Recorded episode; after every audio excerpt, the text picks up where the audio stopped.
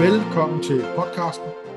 Det er nu, at vi normalt vil sige velkommen til Asklærer Jesper Magic, men podcasten har skiftet navn, og den hedder nu Magic Klubhuset. Og med mig, der har jeg min nye medvært, og han hedder Mads. Og Mads er også vendt tilbage til at spille Magic for nylig. Hej Mads. Hej øh, Jesper. Jeg ville jo gerne lære dig øh, at spille Magic, ligesom øh, Ask kan kunne, men jeg må bare erkende, det er jeg ikke god nok til. Og, og jeg tror også, Ask er noget rigtig langt øh, med dig. Så, så jeg tror, jeg har, øh, vil holde mig til at, at, at, at bidrage til den gode stemning, og øh, fortælle lidt god historie om Magic, og, øh, og, og, og hygge om, øh, om lytterne og seerne på den måde. Fedt. Øh, og øh, det vi skal tale om i dag, det er jo øh, det her vareulve halløj, som, øh, som, øh, som, som jo udkommer i dag, når, når vi, øh, når vi øh, releaser det her, den her episode, den her nye episode af Magic Klubhuset. Ja, vi skal til noget, der hedder Innistrad, og på en Midnight Hunt, som det hedder. Og jeg har øh, lavet et lille stykke arbejde og sat mig ind i, hvad øh, Innistrad er for noget, og hvad det nye sæt er for noget, og vi vil prøve at lave sådan en lille hurtig, øh, hurtig men en, en, øh, en gennemgang af, øh, hvad er det for nogle øh, mechanics i det nye sæt, hvad er det for nogle øh, øh, forskellige øh, øh, creatures, hvad er det nogle, for nogle forskellige øh, spells, vi kommer til at møde i, i det her sæt. Øh, så man forhåbentlig er klædt godt på, til når man skal til at i gang med at, at, at finde ud af, hvad det er for nogle nye kort, der er kommet med. Blandt andet nogle nye lande, eller hvordan er det med det? Der er nogle nye lande, og der er, øh, der er noget med dag og nat, som øh, skifter lidt frem og tilbage, og der er rigtig meget spændende. Vi har, vi har, vi har noget, noget lidt guf med. Fedt. Jamen, øh, skal vi ikke bare... Øh, nå, inden vi går i gang, så skal vi jo lige huske, fordi vi har også lavet lidt om på, øh, på hvordan det er, man kommer med i, øh, i Magic øh, Klubhuset, fordi vi podcasten jo har skiftet navn. Øh, vi har jo den her Facebook-gruppe og en Discord, øh, et lille miljø, som... Øh, jeg tror, vi er en 50 stykker nu, ikke? Og, der, og det bliver mere aktivt. Ikke? Øh, nu vi spillede en lille, hvad var det, Heroku, det her online øh, øh draft-turnering i sidste uge, og i denne her uge, der er der en fra klubhuset, der har arrangeret en, øh, en fysisk, altså en pub-draft øh, inde i København osv., så, videre. så der begynder at ske, ske mere og mere, øh, og det er jo super fedt. Og der er rigtig mange af os er folk, der er vendt tilbage til at spille Magic, har spillet Magic tidligere øh, i 90'erne, eller tidligere, eller ikke tidligere end 90'erne, men tidligere i deres liv, og nu ligesom har fået blod på tanden igen, og, øh, og der er og kommet tilbage, og der er både nye spillere og, og gamle spillere, og alt det imellem, øh, det fungerer rigtig godt, og vi kommer til at lave meget mere. Så hvis man gerne vil være med til det, så øh, er det gå ind på magicklubhuset.dk, og så vil der være et link derover til vores øh, Facebook-gruppe, og det er ligesom der, man starter, og så kommer man derind, og så får man adgang til alle de her artikler, vi har med hjælp, øh, ting at tage og tricks og alt muligt mærkeligt, som Asger og mig, vi lavede i sin tid, og, øh, og også til vores Discord, og jeg får lov til at komme med til alle de her øh, fælles ting, vi laver, ikke? Det er jo lige præcis det, som jeg havde savnet, og som jeg har haft glæde af, øh, både ved at lytte til podcasten og ved at, at komme med i Facebook-gruppen at jeg har lige pludselig fået en masse øh, at spille Magic med, øh, både øh, online og fysisk, øh, og det, øh, det har været en stor fornøjelse. Ja, det er virkelig fedt. Øh, og så er der jo også lige den fordel, at øh, folk er, så er jo flere, der ligesom har øh, tentaklerne, han har sagt, ude. Så øh, hvis der lige hurtigt er, øh, du ved, hvad nu det plejer at være, du ved, gratis gems, eller man kan få gems for guld, eller hvordan det nu er, eller der er en eller anden øh, hvad var der nu her, en kode sidst, hvor man kunne få 3000 XP, eller hvad det var, ikke? Øh, så, så går der altså ikke mange sekunder, før der er en eller anden, der lige har postet det inde i gruppen i, i klubhuset. Øh, så, det, så det er også meget fedt. Man, øh, man, man misser ikke noget, øh, når man er med derinde, fordi der er, der er, vi er jo rigtig mange, der ligesom, øh, ja, mest mig, fordi jeg har ikke snablen særlig meget ude. så for mig der er det fedt, at jeg bare du ved, nærmest kan få det hele serveret på et sødfad øh, ind i, øh, i en gruppen der. Ikke? Ja, folk er gode til at melde ind, og, og så kommer gode råd og tips og tricks, og ind på Discorden, så deler folk øh, deres decks, og øh, viser øh, et, et godt draft deck, de har vundet med øh, et, øh, vundet syv øh, sejre med osv. Så man kan virkelig man kan lære noget af det, øh, øh, hvis man har lyst, og hvis, hvis, hvis man ellers øh, bruger lidt krudt på det. Ja, hvis man ikke behøver, hvis man ikke er så meget, hvis man ikke kender så meget til Discord og sådan noget, så er der også kort. Jeg er ikke specielt aktiv på vores Discord. Det er, sådan, det er et nørdeligt niveau lige lidt over mig. Jeg bruger det mest, når vi spiller noget fælles.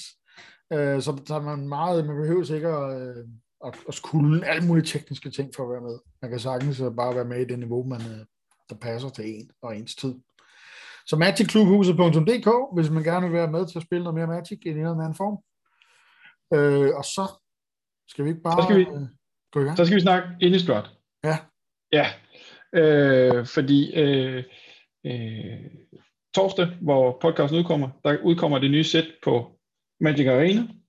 Øh, man må vente til fredag med at få øh, de fysiske kort øh, i fingrene. Der bliver holdt pre-releases forskellige steder hos øh, forhandlerne rundt omkring.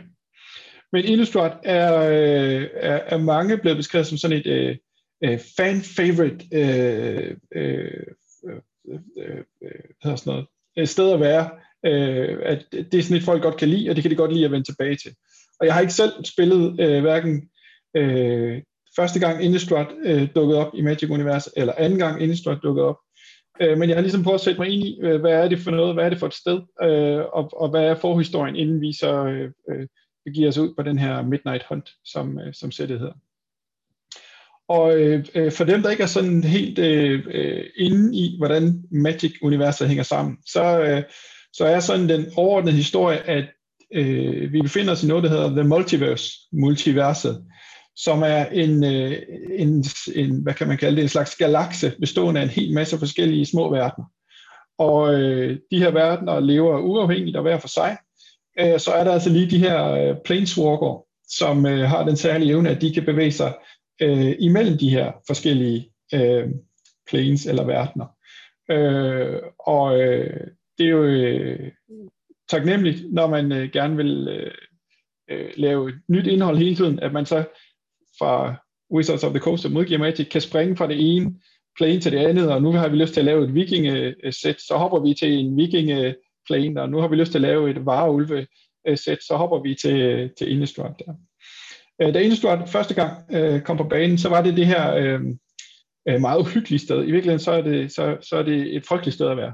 Øh, der er alle mulige monster og væsener, og de stakkels øh, øh mennesker, som bor i Innistrad, de er konstant på vagt over for varulve og vampyrer og, og, og zombier og hvem der ellers øh, måtte finde på og, og øh, ville tage livet af dem. Så det er bestemt ikke noget rart sted at være. Men øh, de, har, de havde en øh, engel, som hed Abbasin, som øh, ligesom øh, vågede over dem og hjalp dem i kampen mod det onde. Og, øh, og øh, øh, Avacyn øh, øh, sørgede for, at hver gang der kom en eller anden ond trussel, så øh, besejrede hun den her trussel og låste dem ind i noget, der hed Hell, The Hell Vault, som var sådan et fængsel, hvor de her mange dæmoner og frygtelige væsener, de befandt sig. Så på den måde så var der ligesom et balance mellem det gode og det onde. Øh, men øh, det gik hverken værre eller bedre i den første gang, hvor Innistrad øh, øh, var på tapetet, at øh, Avesin øh, øh, kom op og slås med en dæmon, og det endte med, at de begge to havnede i The Hell Vault. Og det vil sige, så var der jo lige pludselig øh, ikke nogen til at beskytte de stakkels mennesker, og det, det var noget frygteligt noget.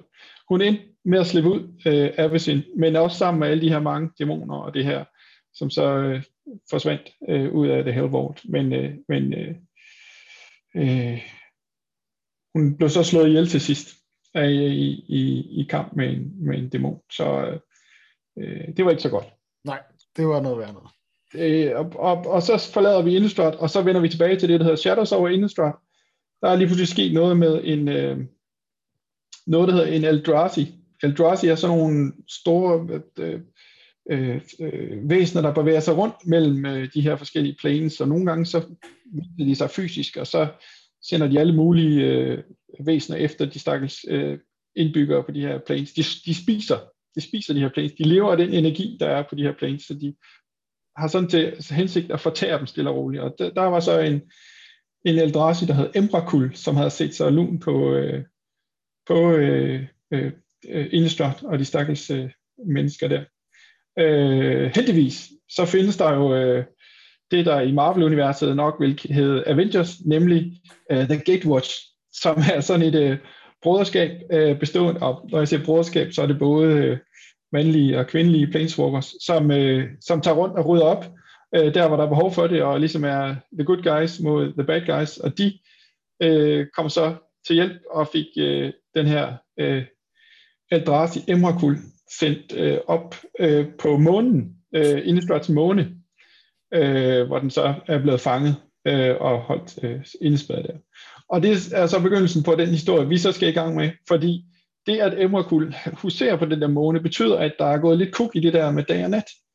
Øh, fordi der er nogle dårlige energier op på den der måne der, og derfor så øh, har tiden med at skifte lidt rundt. Og det er de mildest ikke glade for, de her øh, stakkels mennesker på Innistrad, fordi at natten netop tilhører vareulvene og vampyrerne og alle de her. Så jo mere nat der er, jo mere øh, øh, magt og, og, og frit spil får de jo. Så øh, menneskene vil holde en, øh, en høstfest og øh, ligesom varsle efterårets komme, og samtidig så er der nogle øh, hekse, som er begyndt at bygge sådan et, et stort øh, monument, som skal hjælpe dem med at styre de her energier fra månen, og så de kan manipulere og kan sørge for, at, øh, at balancen mellem dagerne og nat bliver genoprettet. Og øh, øh, hvordan det går, det har vi lidt til gode at, at finde ud af. Øh, Wizards of the Coast, der udgiver Magic, de laver sådan nogle... Øh, øh, noget skønlitteratur, noget fiktion, øh, hver gang der bliver udsendt et nyt sæt, og det bliver sådan drøbt ud, drøbet ud i nogle kapitler, øh, hvor man så kan følge den historie, der så følger øh, øh, de sæt, der bliver udgivet. Så det øh, kan man sådan hen ad vejen. Vi skal nok, ja, vi, sætter et, vi lægger et link til de her historier i, øh, i øh, øh noterne til, øh, til vores øh, afsnit her. Og så, øh, så kan folk selv gå ind og læse. Der er også noget, der er lavet sådan en wiki, øh, hvor de samler op på hele den her øh, øh, lore, som man kalder det, hele den her historien om Magic, øh, hvor man så kan gå ind og, og søge på bestemte personer eller begivenheder, og så kan man ligesom få sådan et, summe, øh, et resume, eller summeret op, hvad der er sket, så man, hvis man for eksempel stod på et bestemt kort med en bestemt navn, så vil man gerne vide, hvad er historien bag den figur, så kan man også gå ind og kigge. Altså det er meget øh, uoverskueligt og meget øh, omfangsrigt, men, øh, men, men det, er sådan, det er meget sjovt. Altså, jeg, jeg, jeg kom lige til at tænke på det der. Det lyder som noget farligt okult noget, det der med hekse og store monumenter og, og det ene og det andet. Jeg tænker, okay, hvis det her det havde været i 80'erne, så var der kommet nogle voksne og sagt, at, øh, at, at, øh, at vi, må, vi må ikke lege med hinanden mere nu i 14 dage, og fik vi sædel med hjem og sådan noget. De, de, de, de skal jo hele tiden, de har sådan, det er en hårfin balance af Wizards of the Coast, der skete jo det med, med et af de første sæt, eller øh, da de udgav Magic, så var der nogle kort og nogle øh, illustrationer, som de må, endte med at måtte, øh, måtte pille ud. Øh, der var et kort, en, en, en, øh, øh et kort, der hed Unholy Strength, som viste et billede af en person, og så var der i baggrunden, der var der så sådan et pentagram skrevet med blå. Det kortet, faktisk, ja. Det, det, det gik ikke. Så i den næste udgave, så, så var pentagrammet ligesom bare visket ud, og så var der ikke noget på væggen bagved. Øh, og på samme måde har de her for nylig også, øh, der, der, var, der er nogle kort, de simpelthen har, har slettet fra den kollektive hukommelse, fordi det er noget, det er noget frygteligt noget, de er bange for at, at støde folk og sådan. Så det er, det er, jeg er helt sikker på, at de er bevidste om, hvor langt de kan gå med de, øh, med de okulte temaer og sådan noget. Men øh, jeg, jeg vil give ret, det er, det er ret øh, barske løjer. Ja. Nå, jamen det, men altså, det er jo fedt. Øh, altså jeg kan huske helt tilbage i den, jeg tror faktisk, jeg stadig har den. Altså der var sådan nogle tegneserier, fra Wizards, og det var, ja. det var jo Ice Age dengang, ikke? Ja. Øh, så de der tegneserier, dem, øh, altså jeg har sådan en, en gammel tegneseriesamling, som er sådan relativt omfattende, men øh, ikke er blevet udvidet ret meget i de seneste mange år, ikke? Men, øh, øh, så det, de står der et eller andet sted. Det kan godt være, at jeg skulle prøve lige at finde dem frem. Det var meget sjovt. Men, øh, de, udgav, de udgav også sådan uh, romaner øh, øh, øh, sideløbende med i de her sets. Øh, så, så der er en hel masse fiktion knyttet til det her Magic, og som jeg forstår det nu, så er det ikke sådan, at det ene er bundet af det andet. Altså, man prøver sådan at køre lidt parallelle spor, og der skal være de her øh, ting, der går igen og sådan noget, men, men, men, men der er sådan lidt... Øh, øh, spildesignerne har sådan lidt frit slag i forhold til at gøre de ting, de synes er fede, og, og dem, der laver fiktionen, har også frit slag, men der skal selvfølgelig være, det nytter ikke noget, at nogen øh, går den ene vej øh, i, i fiktion, og så går den anden vej i gården. Og sådan Men der er sådan en eller anden sammenhæng, og det bliver koordineret på en eller anden måde. Okay. Har du nogensinde læst noget af det? Ikke rigtigt. Ikke rigtigt. Øh, øh, jeg har læst de her, og, og det er så det, de så begyndt på for nylig med, hvor de drysser sådan nogle små kapitler ud. Ja. Øh, fordi det har sådan en tilpas størrelse, og det er sådan noget, man sådan kan, kan tykke igennem øh, Ja. rimelig hurtigt. Og jeg, og, jeg, og jeg fornemmer sådan også, at, at mere avler mere ikke, fordi når man så først kommer ind i den øh, verden der, og lærer lidt mere om karaktererne, så vil man gerne vide mere og mere. Og fordi de går igen og på kryds og tværs og sådan noget, så, så begynder puslespillet sådan stille og roligt at, at hænge bedre sammen. Øh, fordi det er en tung mundfuld at starte på. Ja, Det, altså. det er over 25 års historie, og 25 års sæt, man lige skal have, skal have taget hul på, ikke? Ja. Nå, fedt. Ja, Øh, det, det må vi se, om, øh, om vi, om vi øh, ligesom får, bliver suget ned i den retning og kigge lidt mere på historien der. Altså en af de ting, der altid har fascineret mig, det har været artworket omkring det, ikke? ja. Altså, det er jo, og det er jo stadig også det, som er så, øh, ja, det ved jeg ikke. Det er jo the wrapping, ikke? Altså indpakningen, det, det, det tiltrækker, det er jo også noget af det, de kan stadig, ikke? Øh, Det er klart. også det, der er noget af det fede ved at være i Magic-universet, og også det der, der er det fede ved at have et nyt sæt, ikke?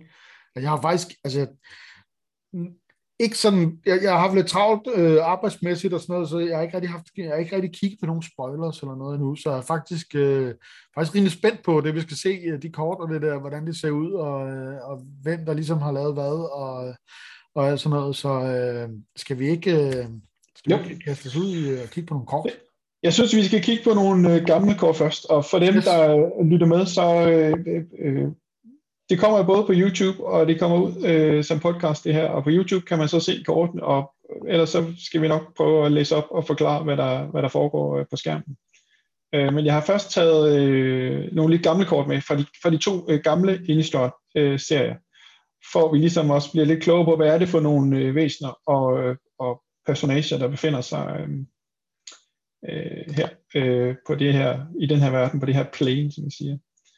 Så nu deler jeg min skærm, og kan du se nogle, øh, nogle øh, humans, Jesper? Det kan du tro, jeg kan. Øh, Det er godt. Champion, der er en, nej, der er en, øh, en, en champion fra Paris. Nej, Paris. ja. Er det, nej, det må du hellere, du, du må hellere, ja, du må hellere, øh, du har forberedt Det er jo sådan, et, det er jo sådan en typisk øh, øh, human soldat, som, øh, som skal bekæmpe det onde. Han hedder Champion of the Parish, og øh, har den tekst, der hedder, koster en hvid øh, for en 1-1, men der står, whenever another human enters the battlefield under your control, put a plus one plus one counter on Champion of the Parish. Så han bliver stærkere og stærkere, jo flere øh, humans, der kommer på, øh, på banen, og humans er i det hele taget sådan en, øh, øh, en tribe, som man kalder dem, altså en, øh, en, en creature-type, som bliver bedre, jo flere humans der er. De er ikke øh, så stærke hver især, men når der er mange af dem, så, øh, så bliver de gode. Og det tror jeg også, vi kommer til at se i, øh, i det nye sæt. Øh, der vil helt klart være basis for nogle øh, human. Hvordan er det nu øh, med Paris? Er det, det betyder sovn? Er det sådan? Ja, det tror jeg. Jeg tror, ja. det er sådan øh, et, et, et, eller et samfund, et bysamfund, eller sådan et lille øh, landsby, eller sådan noget, ikke? Ja.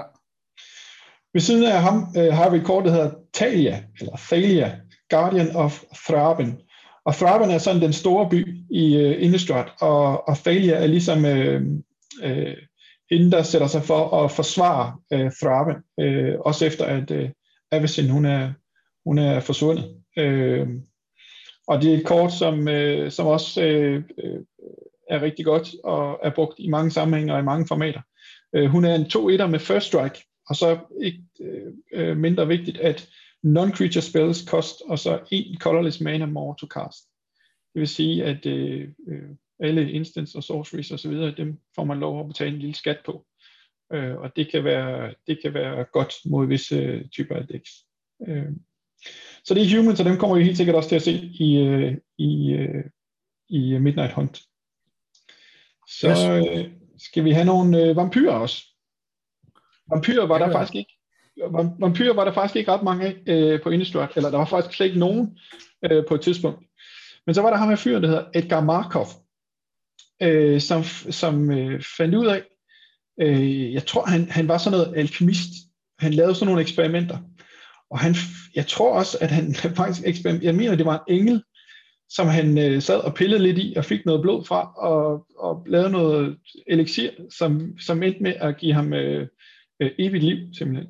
Øh, og, øh, og han øh, var ligesom den første vampyr. Og så, øh, så kom der flere og flere, fordi øh, de har det med at formere sig. øh, de her øh, øh, væsener. Øh, Nattens væsener. Lige præcis, lige præcis. Og vampyrerne er sådan organiseret i familier. Øh, nu er der Markov her, men der er flere andre familier, der ligesom øh, øh, sådan lidt kæmper om, hvem der, hvem der skal, der, der er de fineste og de fornemmeste. De går meget op i, i netop det her med sådan noget. De føler sig lidt adelige i virkeligheden, selvom at, øh, at det vist ikke er officielt, øh, hvis du spørger menneskerne. Øh, ved siden af... Øh, øh, øh, du kan lige læse kortet op der, fordi nu ja, står ja. jeg jo her og er heldig, at jeg kan se det. Øh, ja, lige præcis. Jeg kan se, det er et commander-kort. Edgar Markov er et commander-kort, og, og, og faktisk et af de, øh, af de dyreste commander øh, pre-constructed decks, du kan få, øh, fordi det er der, der spiller så godt sammen, øh, det der vampyr-tema. Han koster tre colorless, en rød, hvid og en sort, det vil sige, man kan også man har tre farver, man kan lege med i sådan et, øh, i sådan et vampyrdæk. Og den siger, uh, whenever you cast another vampire spell, if Edgar Markov is in the command zone or on the battlefield, create a 1-1 black creature token. Og han har first strike, han har haste, han er en 4-4, og whenever Edgar Markov attacks, put a plus 1 plus 1 counter on each vampire you control. Så han er sådan en god en at have, øh, hvis man har mange vampyrer i sit dæk. Og en af de vampyrer, man kan smide i sit dæk, det er den, der hedder Blood Artist. Den koster en colorless og en sort. Øh, det er kun en 0 1 så det er ikke noget særligt imponerende creature i sig selv. Men, whenever Blood Artist or another creature dies, target player loses one life and you gain one life. Klassisk øh, vampyr øh, øh, øh, mekanik, hvor at øh, hver gang at øh, din modstander mister et liv, så får du et liv. De bliver ligesom stærkere af at tage liv fra andre. Øh, og det ser man på mange væsener, den her øh, øh, vampyr øh, øh, egenskab, hvis man kan kalde det sådan. Er, er det ikke, øh, har den ikke også lige været på, øh, altså her i Forgotten Realms, der er der også sådan en, der er sådan en artist, en rød, sort artist, som har nogenlunde samme effekt. Ja. Der var en, der hed... noget treasure noget. Blandt ja, det var lige præcis det, der kvinde. Ja, ja. Det var i hvert fald også en artist. Der er det, mange af de her vampyrer, de kan godt lide at være kunstnere. Det er sådan lidt ja, ja, men der er sådan noget... Adelige boheme-typer. Ja, ja. Jeg vil også lige nævne, jeg vil også lige nævne øh, ham, der hedder Sorin Markov. Han er søn af Edgar, nej, barnebarn, tror jeg, af Edgar Markov. Øh, og grund til, at han er interessant, det er fordi, at han øh, finder på et tidspunkt ud af, at de her vampyrer øh, har lidt for travlt med at slå humans ihjel. Øh, og han kan godt se, hvor det bærer hen af. Han er ligesom øh, øh, klimaforskeren, øh, der, der siger, at hvis vi bliver ved med at brænde øh, CO2 af på den her måde, så har vi ikke nogen planet tilbage til sidst. Og på samme måde så siger Søren Markov, prøv at hvis vi bliver ved med at spise de her humans, så er der ikke flere humans tilbage, så har vi ikke noget at leve af. Og, og han går derfor ind for at ligesom øh, beskytte øh, øh, de her øh, øh, humans lidt, og, og, og, og, og det er ikke vildt populært i vampyrkreds, at man sådan begynder at sætte øh, øh, begrænsninger på, hvor tit man skal have kød, øh, hvor mange kødfri dage man skal have om ugen og sådan noget. Ja. Øh, så så han, han er ikke sådan vildt populær blandt øh, vampyrerne, men han er ligesom med til at holde balancen og, og sørge for, at, øh, at det ikke, at det ikke giver sådan en total nedslagning af de her humans. Det er så sådan et svar på, øh, hvad der hun hed, Greta Thunberg. ja, ja, det kan man sige. Det kan man sige. Men, øh, men øh, i hvert fald er også en vigtig figur øh, i Innistrad-historien. Så går vi videre til vareulvene, som... Øh, og vi er stadig er, i det gamle kort. Vi er stadig i det gamle kort, ja. Yes. Øh, Øh, varulvene er jo mennesker, der er, øh, har fået en eller anden øh, øh, sygdom, som gør, at når det bliver øh, mørkt, så øh, forvandler de sig til, til nogle øh, ulve, og så kan de ikke rigtig styre sig selv, og så går de amok og har brug for også øh, kød og blod. Øh, man ser det med den her øh, Cassic Prowler, som koster en grøn, og er 2-1 øh, Werewolf Horror, Øh, det er jo i sig selv et fint uh, creature, men hvis man kan betale fire colorless og en grøn, så kan man få lov at transforme Kessig Prowler. Og så, oh, så øh, bliver, nu har jeg ikke øh, flipkortet med, men man kan se nede i højre hjørne, at den bliver til en 4-4 så lige pludselig. Det vil sige, det der typisk sker med varulve, det er, at de bliver større og stærkere, når det bliver nat. Øh, og den samme... Okay. Ja. Altså sådan, så at, at den bliver bare ved med at være en vareulv, den bliver bare stærkere, når det bliver nat. Ja, Øh, nu siger du nat, fordi øh, øh, den måde, øh, Varvel har fungeret på hidtil i de to forskellige bloks, det har været, at man enten som med Classic Crawler betaler en, øh, ligesom en activation for at gøre den til en, øh, en vareulv. No. Så en ting er, at man får den på, på bordet, men en anden ting er, at man så skal betale for at få den gjort til en vareulv. Og, og den anden måde, øh, øh, var, øh, human skal blive øh, transformeret til werewolf, det ser vi ved Huntmaster of the Fells. Det er en øh, øh to øh, colorless og en rød og en grøn, det vil sige fire mana for en to to og det er jo i sig selv ikke så imponerende, men whenever this creature enters the battlefield or transforms into Huntmaster of the Fells, put a 2-2 green wolf creature token onto the battlefield and you gain 2 life. Så der har vi allerede fået en 2-2 plus en 2-2 og to liv. Og at the beginning of each upkeep, if no spells were cast last turn, transform Huntmaster of the Fells, og så bliver han altså til en 4-4. Måske også med trample, hvis jeg husker ret. Det, kan ikke, det, er ikke, det vil jeg ikke lægge ud på bloggen på. Men pointen er her, der skal man ikke betale for at transforme ham, men hvis man ikke, øh, hvis du eller din modstander i din eller vedkommendes tur ikke har spillet nogen spells, så bliver Huntmaster of the Fells transformed til en varulv. Så, så det er ligesom to måder at transformere øh, varulve på. Og øh, vi kommer til at se en tredje måde her i, øh, i det nye sæt, som, øh, som jeg også skal fortælle om senere. Men pointen med bare vil være, de er sjovest og rarest, hvis du har dem, at de er der, når det er nat, fordi der bliver de ligesom, der er de største og stærkeste. Det synes jeg også er en meget sjov flavor, hvis vi skal bruge det udtryk, som, som dækker over, at det er noget, hvor man prøver at integrere en eller anden egenskab i kortene på en måde, så, så man godt kan genkende det. At det ikke bare er nuller og totaler og nogle tal og noget, nogle farver, man, man ja. spiller med. Ja, det, man godt kan flavor, det er sådan noget magic øh, lingo for øh, ja, netop for det der, hvad kan man sige, at sætte scenen for miljøet, for, for øh, konteksten på en eller anden måde, ikke? Så, øh, ja. som de sætter mechanics ind i, for at det ligesom skal virke lidt som i virkeligheden. ja. Øh, jeg, har nogle, jeg har nogle eksempler på noget god flavor i det nye sæt også uh, senere. Så okay, fedt. Lad os haste videre til zombier. Uh, zombier er jo ikke uh, sådan, som udgangspunkt uh, heller noget, der er der, uh, uden at der er nogen, der hjælper dem lidt på vej.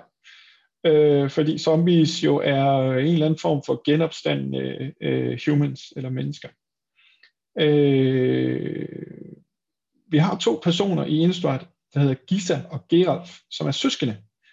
Og øh, de er begge to nogen, der laver øh, zombier ud af, af lig. Øh, meget hyggeligt søskende par, kan man sige. Og de konkurrerer faktisk lidt om, hvem der er bedst til det. Det, de gør for, forskelligt, det er, at øh, Gisa er en øh, såkaldt necromancer, som øh, tager kroppene fra øh, gravene og ligesom vækker dem til live, som de er. Øh, Gerald han er sådan øh, lidt, jeg ved ikke, hvad der er værst, men han, syr, han tager kropsdel og syr sammen til nye væsener, som han ja, så vækker til live. Lidt mere kreativ. Ja, altså, ja, og så kan han give dem vinger, fordi han kan sy nogle vinger til dem, og han kan gøre alt muligt. Ja. Han kalder dem typisk scabs, dem som han laver, øh, hvor at de andre zombies, det er nogen, der typisk kommer øh, og bare bliver i går sådan genoplevet. Okay. Så dem ser vi en hel del af. Det lyder som et hyggeligt, øh, et hyggeligt Ja, det, ja og, og specielt også det her med, at de, de, de har vist nærmest øh, ødelagt en hel landsby, fordi de konkurrerede om, hvem der kunne, øh, hvem der kunne, så kunne skabe de fleste zombier, og som så igen laver en masse ravage og, og, og, og, og yeah. skaber altså, redsel og uhygge. Hvor, hvor der handles, der spilles, ikke? Ja, så, øh, så de, de, de findes både, øh, der findes forskellige kort, Øh, der er også et, for eksempel et kort, der hedder Gerald's Messenger, som så er en af Geralds kreationer, og der findes variationer af det her med Gisa. Gisa findes også i nogle forskellige øh, varianter. Og så findes der ellers masser af forskellige zombie-kort. Jeg har taget et med, der hedder Gravecrawler, som koster en sort for en 2 etter. Den kan til gengæld ikke blokke, øh, og hvis øh, man kontrollerer en zombie, så kan man kaste den fra sin grav. Det er lidt det her med zombierne, der bare bliver ved med at komme igen og igen. Ikke? At, ja. at øh, man, man, de, de er sådan svære at slå ihjel fordi de genopstår altid på en eller anden måde. Så der har vi også lidt flavor med zombier, der, der bare bliver ved med at vende tilbage, som vi kender det fra film og så videre. Men øh, er, er, det, nu skal du, altså er, det, er, det, er de ude af det nye? Eller, skal nej, nej, nej, de kommer, de kommer. Ah, okay. Ja, ja, ja. ja. Øh, så har vi, øh, vi har lige to forskellige creature-typer, som vi også lige skal med, og som også er med i de nye dem jeg nævner her, er dem, der er med i de gamle, de er også med i de nye, i, i en eller anden form, og i mere eller mindre dominerende grad. Men engle, øh, jeg har talt om Avacyn, som ligesom var øh, menneskenes beskyttere, Og da hun var forsvundet, så var der en, der hed Sigarda, som, som tog over. Øh, englene er lidt ligesom vampyrerne også delt ind i sådan nogle øh, flokke eller familier, og Sigarda kommer så fra den familie, der hedder Heron, øh, og hun, øh, hun satte sig ligesom for at beskytte øh, humans, der, da Avisin øh, forsvandt. Øh, så, øh, så hun er en, der er god at med på holdet, specielt hvis man er humans. Så lidt mere øh, sinister ud end, øh, altså, på en hende der øh, Aversion. Ja, ja, det er rigtigt. Øh, men, øh, der var så lidt tvivl om, hvilket hold hun var på. Ja, men nogle gange er det godt at have sådan nogle badasses med på sit Ja, hold, fordi de, øh, de, de slår fra sig. Ja. Øhm, og, og igen flavormæssigt her, øh, vi har et kort, der hedder Cigarda Heron's Grace, tre colorless, en grøn og en hvid for en 4-5 flyer, som giver øh, både øh, hende, den øh, spiller, der kontrollerer hende, og humans, som vedkommende kontrollerer hexproof. Øh, og så kan, hun, så kan man exile kort fra sin graveyard for at putte øh, soldiers på the battlefield. Så, så hun, øh, hun er god på sit human. Ja, hexproof, bare lige, hvis der er nogle helt nye, ikke? hexproof, det betyder, så kan man ikke blive tryllet på. Nej. Så man ikke kan blive kastet spell på. Så man beskyttet mod fremmed trolddom. Ja. Og det er jo meget godt. Det er jo godt sidste-. Den sidste creature type, vi skal kigge på, hedder spirits. Øh, og det er jo så typisk, når de her nekromancer har været i gang og har væk de her zombier til live, så ligger der jo en rest af noget sjæl og noget ånd, som, øh, som øh, både kan være lidt plaget, hvis nu man er død på en, øh, på en ekstra rar måde, og hvis man ens krop render rundt og laver øh, dumme ting, så, øh, så kan de være lidt plaget, de her øh, spirits. Øh, men der kan også være dem, øh, der for eksempel er død i krig eller kamp, og, og med stolthed øh, fortsætter den kamp som, øh, som øh, gespenst eller som genfærd. Øh, vi har et kort, der hedder Selfless Spirit. Det er en, øh, en color en hvid for en 2-1 flyer, som kan sacrifices for at give creatures you control indestructible until end of turn. Det vil sige, det er sådan en, øh, en af, de, øh, af de gode krigere, der lige øh, øh, fortsætter kampen mod øh, det onde, og er klar til at ofre sig selv og, og gå til evig hvile for at hjælpe sin... Øh, Ja, og beskytte. Ja. Hvem du nu end måtte have brug for det. ja. Og den, den måske den, den største og den bedste øh, øh, hjælper, spirit hjælper at have, det er den, der hedder Geist of St. Traft, som var, jeg kan ikke helt huske, hvem St. Traft var, men han var en øh, hellig mand, som, øh, som øh, er endnu mere, mindst endnu mere, lige så meget værd øh, som genfærd, øh, fordi øh, han er en, en colors øh, hvid og blå for en 2-2 hexproof, det er sådan set okay, men hver gang han angriber, så kan man putte en 4-4 white angel creature token med flying øh, onto the battlefield tapped and attacking, og den skal så exiles at the end of combat. Så der får man lige en 4-4 flyer på, som wingman, hvis man angriber med ham. Nå ja, så han har simpelthen øh, ja, han har lige en, øh, en wingman hver eneste gang, han angriber der. Ja, det kan være, det kan være meget fedt at have det. Det er rigtig god value, som man siger. det kan man vel. Så vidt øh, de øh, creature-typer, som er, findes på Innistrad, og som vi også kommer til at se i det nye sæt. Øh, men der er også nogle nye mechanics, og også nogle tilbagevendende mechanics, men der er i hvert fald nogle mechanics, man skal lære, øh, fordi det er nogen, man kommer til at støde, til, øh, støde på. Mechanics er jo som oftest beskrevet på kortet og forklaret på kortet, men vi prøver lige at gå lidt mere i dybden, så man bliver lidt klogere på, hvad det er andet end de der to linjer, der, der står der. Og det første, vi skal kigge på, det er det, der hedder Day and Night. Øh, Det er det så, det er det nye. det er det nye. Det er den nye måde, det er den nye måde som hovedsageligt øh, vareulve øh, bliver transformeret på. Man arbejder med, at det enten er dag eller nat, øh, når man spiller. Det vil sige, i starten er det hverken dag eller nat. Men lige så snart, at øh, der er et øh, creature, der har, øh, creature, øh, som har den øh, egenskab, der hedder Daybound, som kommer på øh, øh, battlefieldet som den første, så bliver det dag, og så er den her dag-nat-cyklus ligesom øh, skudt i gang. Og hvis det er et nightbound creature, der kommer, så er, at bliver det nat, og så er den her dag-nat-cyklus ligesom skudt i gang. Øh, øh, man holder øje med dag med det her kort, som vi, som vi kan se på billedet. Det er ligesom bare, det er et kort, der har to sider, en der er dag og en der hedder nat, og på den måde, så skal man, hver gang øh, dag og nat skifter, så vender man også kortet, og på den måde, så har man ligesom begge spillere et overblik over, om det er dag eller nat. Hvis en spiller i sin tur har spillet øh, to spells, mindst to spells, tre spells gælder også, så bliver det dag. Øh, det er klart, hvis det er dag i forvejen, så fortsætter det med at være dag. Men hvis det har været nat, og man kommer til sit opkeep, og den spiller, der havde sin tur sidste gang, jeg havde spillet to spil eller mere, så vinder man kort om, så bliver det dag. Og på samme måde, hvis det, hvis det er øh, hvis det er dag, og det bliver ens tur, og den spiller, der var, havde turen sidste gang, ikke spillet nogen spils, jamen så vender man kortet om, fordi så er det blevet nat. Øh, så det peger i retning af, at hvis man gerne vil have øh, nat, så skal man ikke spille så mange spil, så skal man helst lade være med at spille spils, og hvis man gerne vil have det i dag, så skal man helst kunne dobbeltspille, øh, hvis man skal have den øh, vendt om.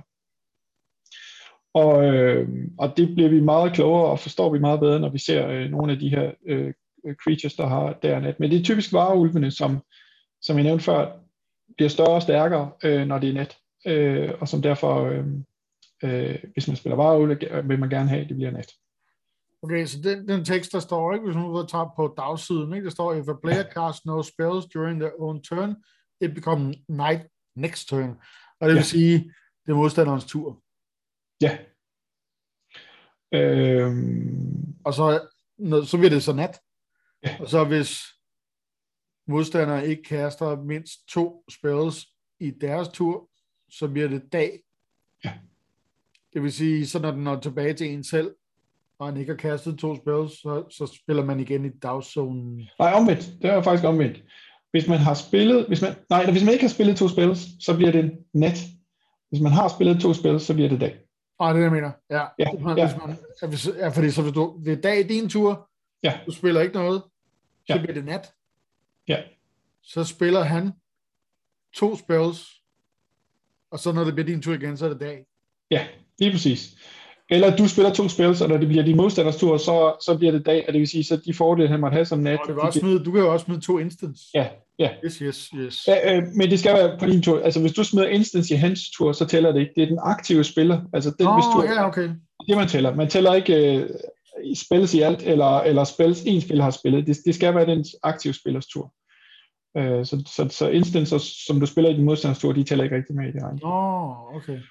Og som der også står på kortene, så betyder det så også, at hvis man hvis det først er blevet enten dag eller nat, hvis du så har et creature, der, der både kan være daybound øh, og, og nightbound, eller der kan transformes, hvis det så er nat, når du spiller det, så kommer det altså ind med natsiden opad, og ikke med dagsiden opad.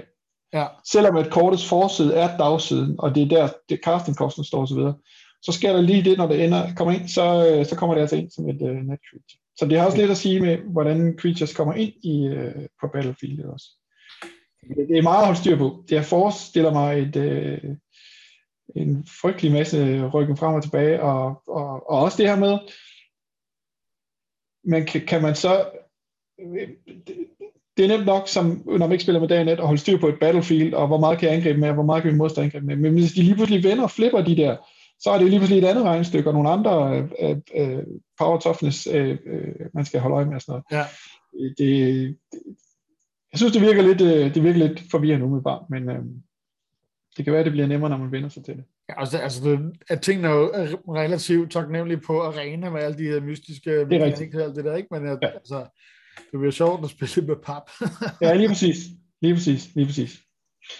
Øh, day and night. Så er der noget, som hedder, øh, skal vi se her. Skal vi lige have Coven. Coven hedder det.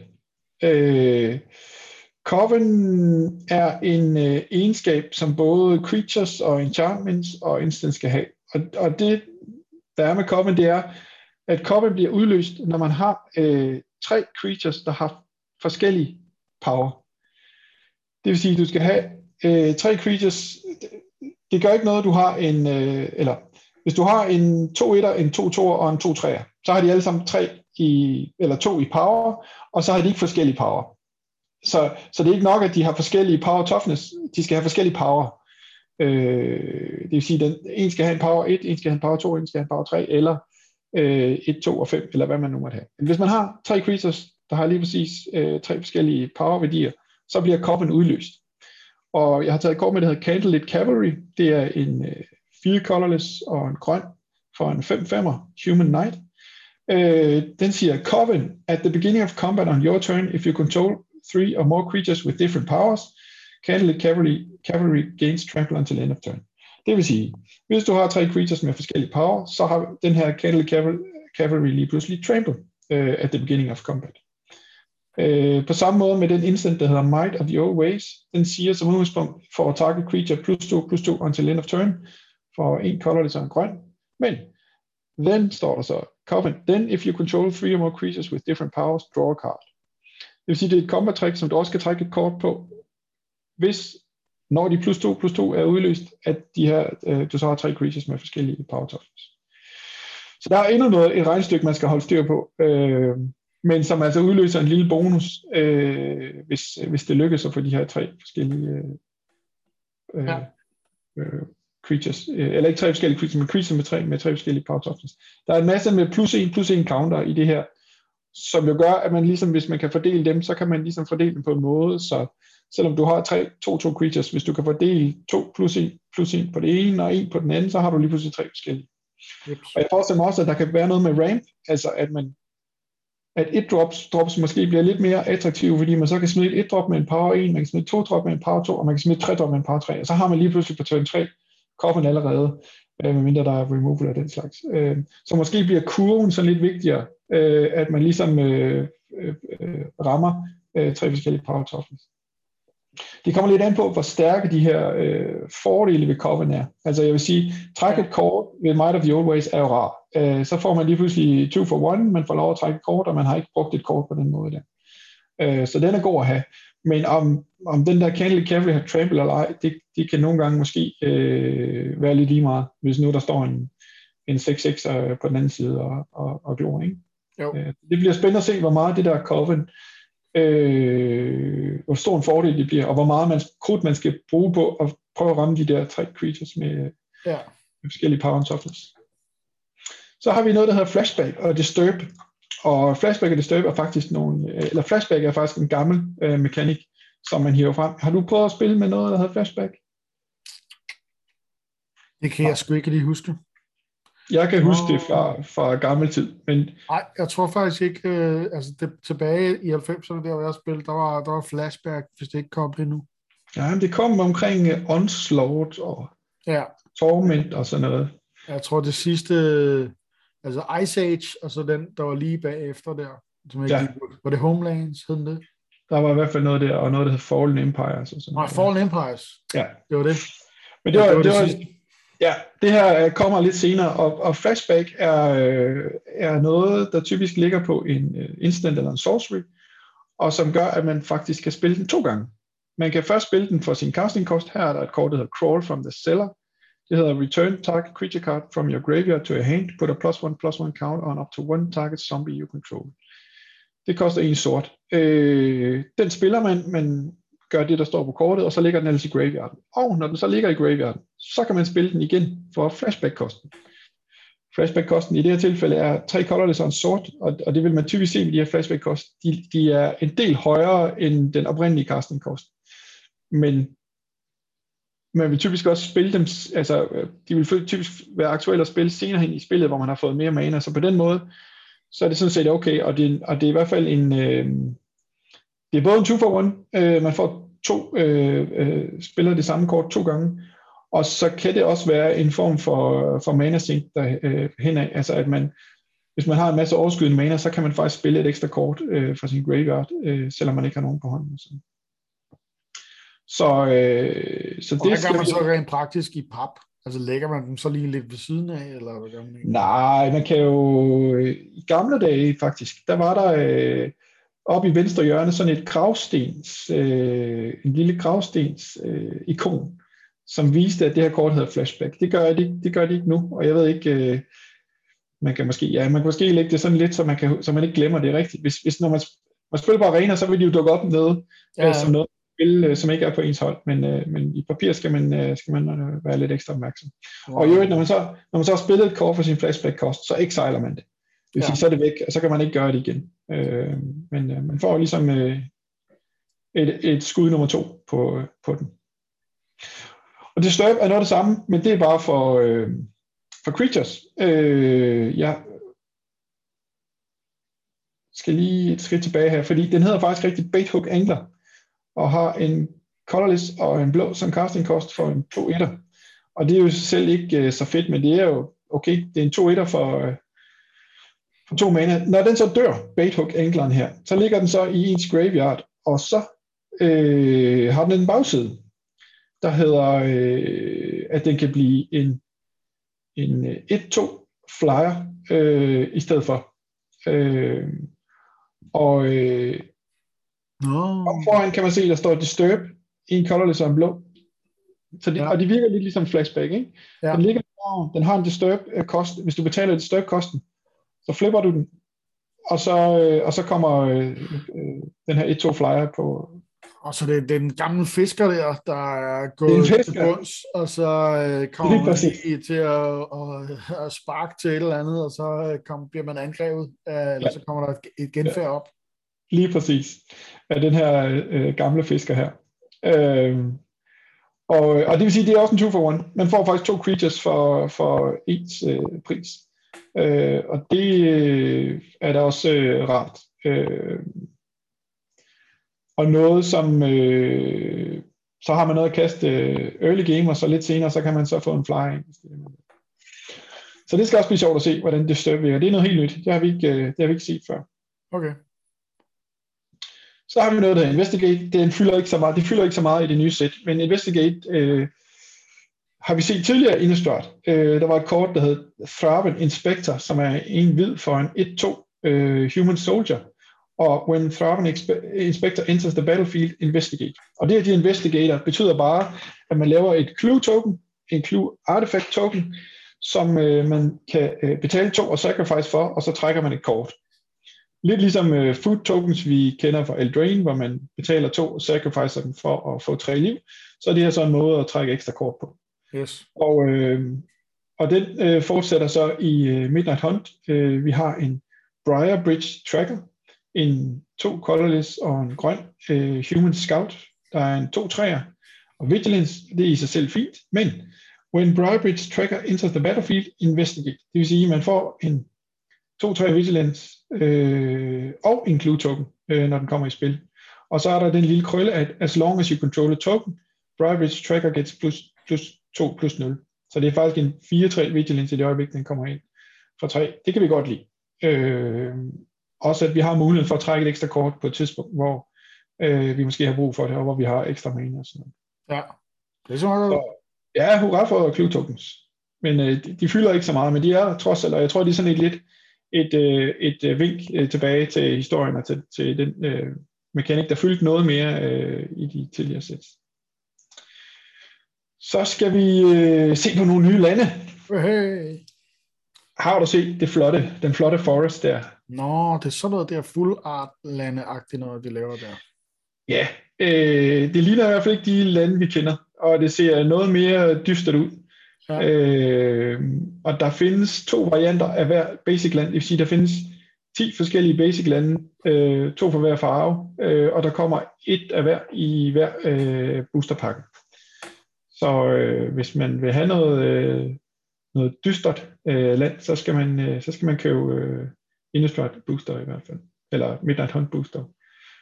Og jeg kunne forestille mig, at de også var med i, den, i det næste sæt. Det har vi slet ikke snakket om endnu, men der kommer jo et Innistrad sæt mere her om to måneder, som hedder Crimson Vow, og, øh, og det foregår også på Innistrad, og det er så øh, mere vampyr-tema, end det er vareulve, men øh, jeg tænker, de fortsætter stilen øh, på samme måde. Jeg er lidt spændt på, hvor vi går hen af med det der vampyr, eller ikke? Om det bliver det der teenage øh, øh, sober. Altså, rygter vil vide, og når jeg siger rygter, så er det fordi, der er nogen, der har set noget, eller der har været offentliggjort noget artwork fra det der bryllup, vampyrbryllup, som der angiveligt skal for, for, foregå. Og alle siger, at det ligner Edgar Markov, og så ligner det, altså det gamle bedstefar der, ikke? Og så ligner det en, øh, en vampyr, der hedder Olivia øh, Voldaren fra en Voldaren-familie. Og Voldaren har ligesom sådan øh, hævdet sig øh, lidt på bekostning af Markoverne. Altså de har ligesom ført sig frem, og, og, og, og Markoverne er sådan blevet skubbet lidt i baggrund, også på grund af den der Sorry Markov og hele hans, øh, hans øh, human øh, beskyttelse der. Og, og, og, og øh, øh, spekulationer går på, at nu bliver de to gift, Markov og Voldaren-familien bliver ligesom gift, og så bliver den store nye øh, øh, herskende øh, øh, vampyrfamilie. Må vi se. Vi ved ikke ja. noget, men øh, det er fremtidsmusik.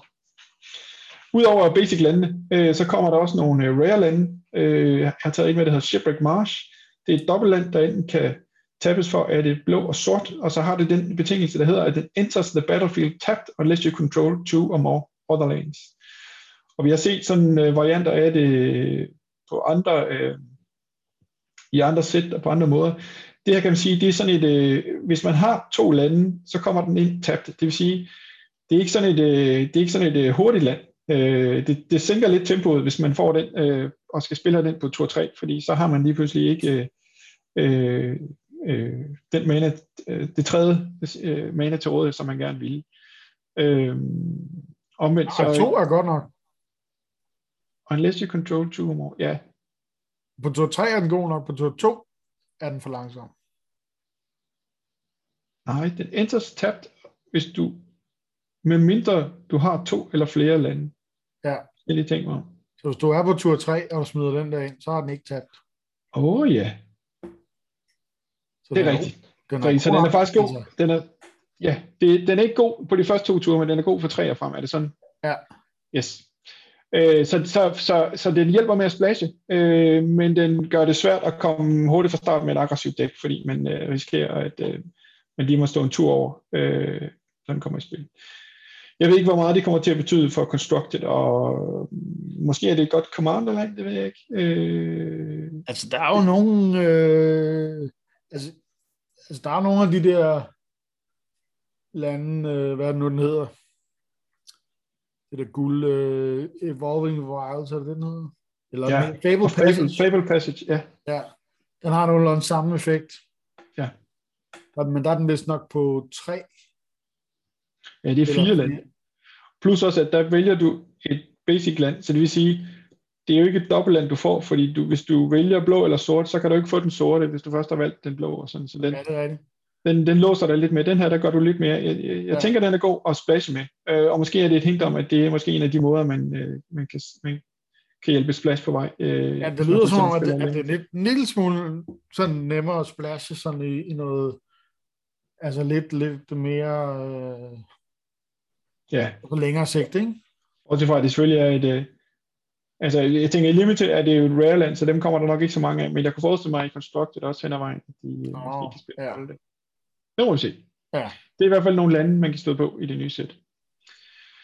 Så øh, handler det jo meget om det her med, at, øh, at holde styr på nat og dag. Øh, jeg kan huske, da jeg var lille, og når jeg ikke ville gå i seng, så sagde min mor, Mads, pas nu på, at du ikke laver om på nat og dag.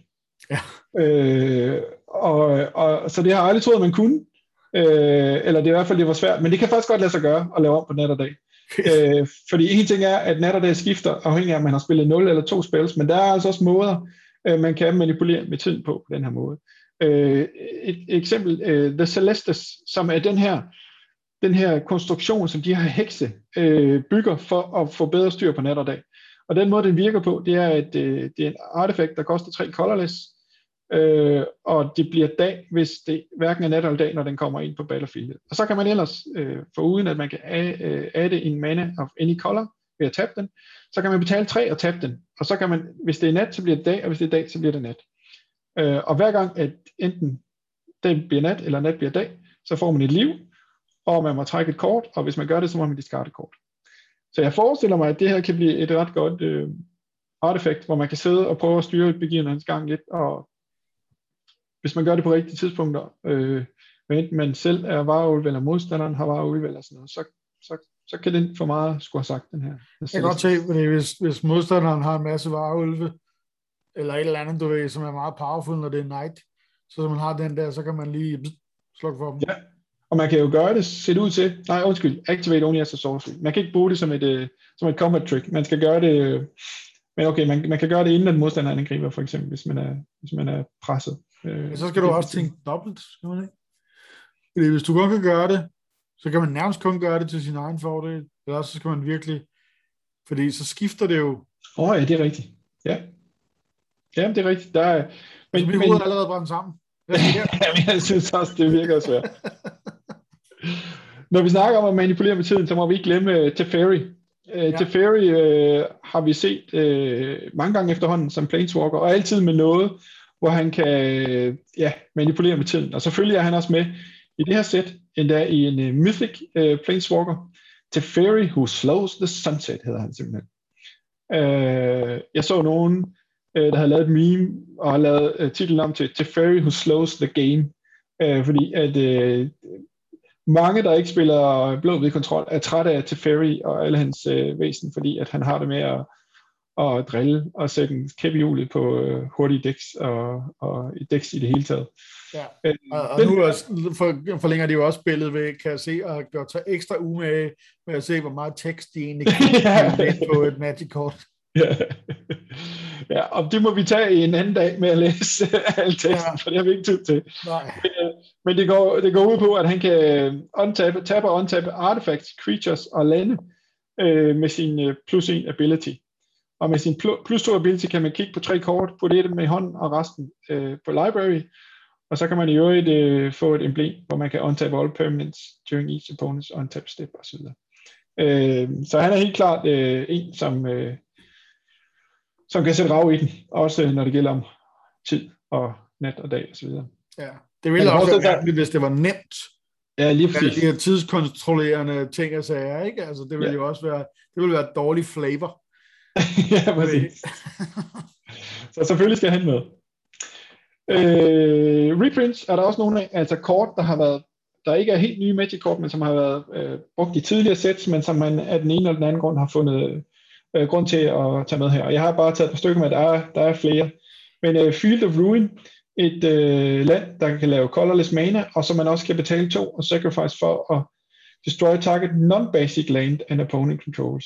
Each player searches their library for a basic land card, puts it onto the battlefield, then shuffles. Jeg er ret sikker på, at det her er en måde... Øh, nu kom der jo for eksempel i uh, Adventures of the Forgotten Realms de her meget stærke øh, lande, der kunne laves om, laves om til creatures. Ja. Der var et grønt, der for grønt og x mana kunne blive til et øh, x, skrost, øh, xx øh, creature, og der var den øh, røde, der kunne lave sig selv til en, var det en bjørn eller sådan noget, og sådan noget de her lande kan man jo så ødelægge med Field of Ruin, øh, og så bytte for et øh, basic land, øh, hvis, man, øh, hvis man er lidt træt af det. Og jeg tror, det er en måde at holde den i live i standard på, så, øh, så de der øh, specielle lande, de ikke øh, overtager for meget. Eller man i hvert fald har en plan B mod dem. Ja. Og den har også været i mange sæt, så det er sådan en, øh, det er sådan en, en, der ofte kommer tilbage. Det næste, Delver of Secrets, en blå for en edit human wizard, ikke særlig imponerende i sig selv, men Uh, at the beginning of your upkeep, look at the top card of your library. You may reveal that card if it's an instant or sorcery. Uh, transform Delver of Secrets. Det er altså en måde, hvor man kan transforme et kort, uden det har noget med Daybound og Nightbound at gøre. Uh, Human Wiz, eller Delver of Secrets bliver ikke transformet, fordi det bliver nat eller dag. Han bliver kun transformet, hvis man i begyndelsen af sit upkeep kigger på topkortet, og det er et instant eller sorcery. Og hvis det er det, undskyld, så får man et 3-2 flying creature med navn Insectile Aberration. Og det er jo ret vildt, at man faktisk allerede, hvis man spiller den her tur 1, og så allerede på turn 2, hvis man er heldig lige at kigge ind i et instant eller sorcery, så, så har man lige pludselig en 3-2 flyer på, på bordet i, ja. og kan midt i turn 2. Øh, det har i hvert fald været et stærkt kort i standard tidligere, og jeg forestiller mig, at der må være et blåt-rødt øh, Spells Matter dæk, øh, hvor den her også øh, kommer til at betyde noget, både i Limited og også i, øh, i Standard måske. At man allerede på 2-2 har sådan en trussel øh, på bordet, det, det virker ret stærkt. Så det er, det er et godt kort. Jeg lader mærke til, at de har lavet sådan en lille prik. Prøv lige at vente den om igen, hvis du kan det. Ja. Åh oh, ja. Der er lavet sådan en lille prik. Det betyder så, at det er den, der er bagsiden. Ja. Ja, det gør det øh, og at man kun kan kaste den fra forsiden af, og ikke fra bagsiden i det her tilfælde i hvert fald. Yes, øh, det var nogle reprints, så skal vi kigge på removal også, og jeg har bare valgt nogen ud, fordi der er lidt forskelligt. Øh, øh, Fateful Absence er lidt sjov, øh, hvis du kigger på artworket. øh, fordi det er den gode Sorin, som kommer ned til sin bedstefars øh, kiste og ser, at han er forsvundet. Så det øh, peger jo i retning af det her bryllup, og at der er, er ballade under opsejling i The Markov Family. Øh, så det er lidt sjovt. Men det, der også er interessant ved det her kort, Fateful Absence, en øh, colorless og en hvid for en instant, der siger, destroy target creature or planeswalker, its controller investigates. Det vil sige, at man kan øh, destroy et af modstanderens creatures eller planeswalkers, så får de så til gengæld en clue token, som de så kan øh, betale to og ofre for at få et kort. Hvis I umiddelbart, så, så øh, får man ikke nogen øh, kortfordel ud af det. Men det giver hvid mulighed for at få noget removal, som vi ikke ellers har, har gjort meget ud af øh, tidligere. og for to mana er det ikke svært at have, have, have, have den åben øh, i modstanders tur. Så det er sådan en lidt spændende måde, at, at vi pludselig får noget øh, unconditional removal, som, øh, som, det, som, som det har været svært at finde før. Øh, så så det, det er lidt interessant kort. Fedt. Øh, så er der den, der hedder Defenestrate, den synes jeg mest jeg var sjov. ud af vinduet. ja. og fordi at øh, flavoren passer med, destroy target creature without flying. Ja. Hvis ikke de kan flyve, og de bliver smidt ud af vinduet, så dør de. Så, øh, jeg ved ikke, hvor meget flying, det har ikke sat mig ind i, hvor meget flying der er i sættet, men nu er bare Hvad er det, også egentlig, der bliver tyvet af vinduet der? Det er en eller anden mands person, men er det en, en varulv, eller er det en, jeg kan ikke rigtig se helt Jeg tror, det er en human, for de har plejer de der hatte på der. Nå, tror, ja, det... det er sådan en med en hat der. Nå, ja, det vil ja. jeg godt se. Ja, ja. Det er sådan en musketær-type. Ja, men det tror jeg også bliver et godt removal-kort, fordi afhængig af selvfølgelig, hvor meget flying der er og sådan noget. Øh, men, øh, men tre colorless, eller to colorless og en sort for et uh, destroy target creature kort virker ja. okay. Ja. Selvom der selvfølgelig er en condition på. Ja, det tror jeg, det tror jeg var det. Det var det. Øh, hvad tænker du om øh, det, du har set og det nye sæt? Øh, altså, det bliver øh, altså, det bliver sjovt at prøve noget, på noget nyt, ikke? Altså, nu, nu er det jo så mit, hvad passer det? Sandika, Kaldheim, øh, Strixhaven, øh, Forgotten Realms, altså, så det er mit fint sæt. Det, det går ja. ja. Men, øh, men jeg kan også huske, altså Ask og mig snakker om det på et tidspunkt, hvor Ask han havde også ligesom hørt, der er nogle af de andre, der sagt, at, at de kunne godt bruge et sæt per måned. Ikke? Altså, det er det der med, at ja, det ved jeg ikke, man, man vender sig bare ligesom til, at øh, nu skal der ske noget nyt. Øh, og det ved jeg egentlig ikke rigtig, altså, hvordan jeg har det med det. Jeg synes, det er meget fedt, når det nye kommer, øh, men det er også meget fedt sådan lige der, hvor man, Altså i hvert fald, når man spiller på mit niveau, ikke? så jeg er jo lige begyndt, sådan, du ved, nu føler jeg mig rimelig godt hjemme i Adventures of the Forgotten Realms, og øh, er jo egentlig der, hvor at nu, altså, men det er jo også fordi, vi spiller meget draft, hvor nu kan jeg drafte dem, og så, så skal jeg så bare også lige lade jer spille dem øh, øh, rigtig godt, ikke? Ja. Sådan da, du ved, ish. Og så skal vi så i gang med noget nyt, men, men til gengæld så også, kan jeg også, i forhold til den frustration, jeg havde, dengang jeg startede, øh, med Asker det, hvor jeg tænkte, er det overhovedet muligt, fordi når jeg skal sætte mig ind i et sæt, altså jeg kan jo simpelthen ikke starte fra scratch hver eneste gang med de her 250 øh, nye kort, eller hvad det nu end er, ikke? Øh, men der har jeg så lagt mærke til, okay, du finder ret hurtigt ud af, for eksempel de her to removal spells, som vi lige har snakket om, ikke? Nå ja, okay, fint nok, det er sgu en god øh, removal spell, den der, den har en condition, øh, men den er relativt billig, så, øh, og så det der med destroy target creature, det er jo, altså, den kan vi godt lide, ikke? Mm. Endnu bedre destroy target creature, eller planeswalker. Ja. Øh, særligt hvis, øh, hvis man ikke synes planeswalkers, de er specielt sjove. ja.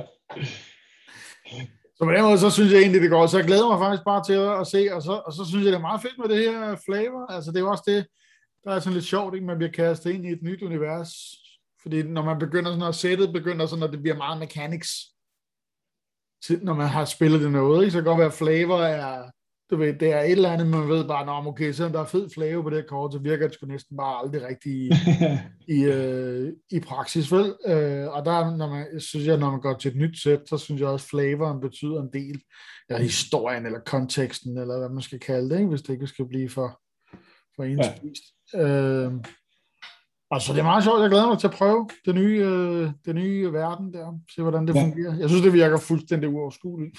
Det synes jeg også. Jeg synes, det der day and night, det, det altså, jeg er glad for, at jeg kan få det prøvet af på arena, fordi at så er der ligesom en, der holder styr på, øh, på tiden for mig.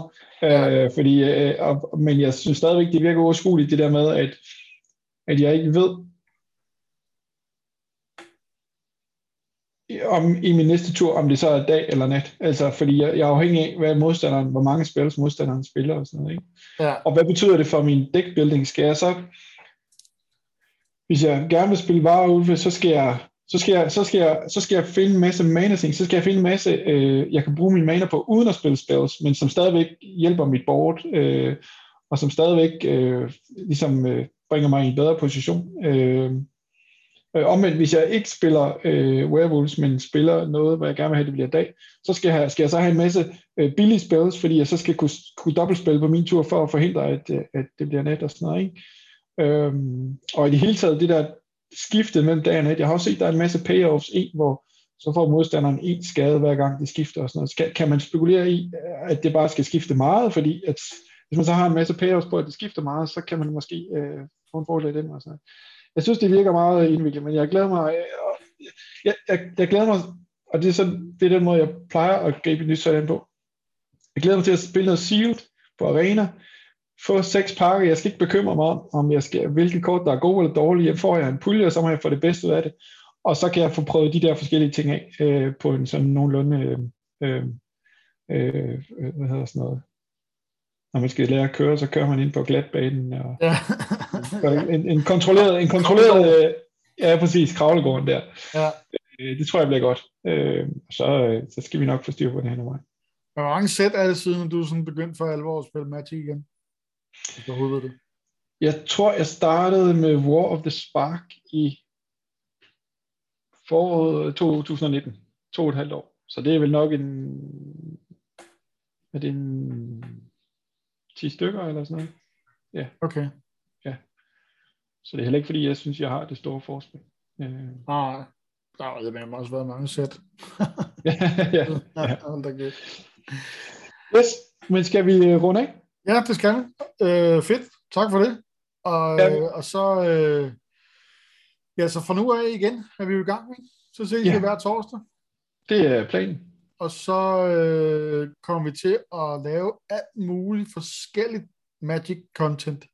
Ikke kun noget, der handler om draft og gameplay, men øh, vi har også en masse øh, andre spændende ting, som vi godt kunne tænke os at, øh, at dykke ned i. Jeg ved ikke, om du vil løfte sløret for noget af det, vi har... Øh... Jeg synes, ikke, jeg synes, ikke, vi skal, jeg synes, ikke, vi skal afsløre nogle idéer, men vi kan fortælle så meget, tror jeg, at vi, at vi netop øh, prøver at sætte os lidt ud over øh, øh, gameplay og, og, og, og, som du siger, limited, men, men prøv at kigge sådan på Magic som en bred palet, og de gode historier, som der er i Magic.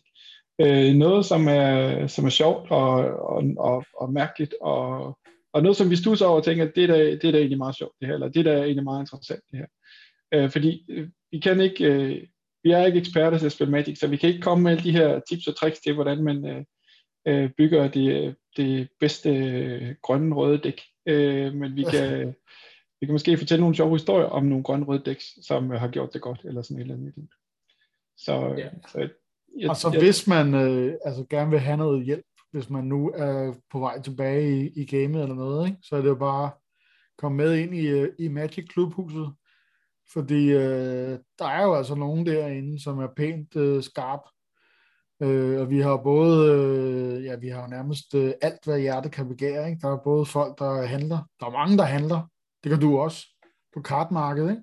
jo, jo. Øh, og der er jo også, vi har også en dommer, og øh, der er jo alle mulige, øh, alle mulige, der er jo rigtig dygtige Magic-spillere også, som man kan lære noget af, og som gerne lærer fra sig. Øh, så, så, det, så læringen kommer til at foregå derinde, med mindre at der lige er et eller andet, der går op for os, som vi lige ja. har lært. Er det ikke sådan? Jo. Øh, det tror jeg, det tror jeg, det tror jeg er en rigtig måde at sige det på. Men, øh, men frem for alt, så, så skal, skal målet være, at man i hvert fald skal underholdes, når man, øh, når man lytter med her. Fedt. Det bliver skide sjovt. Jeg, har, jeg, jeg ved jo, øh, hvad vi har tænkt os, og jeg glæder mig virkelig til at lave øh, de her episoder. Det bliver fedt. Ja, lige måde. Jamen, øh, tak for nu, As. Og øh, Ask, der kaldte jeg dig Ask. du, øh, du, du, du, har, du, du har nogle episoder til at, at, at lære det i. Vi, Ja, øh, det er godt. vi prøver igen, vi prøver igen, vi prøver igen næste gang. Jeg tror bare, jeg bare skal, hvis jeg bare siger sådan noget, mask, mask, mask. Lander lidt imellem. Ja. Det er godt, Mads. Tak for nu. Vi ses. Vi ses. Hej. Hej.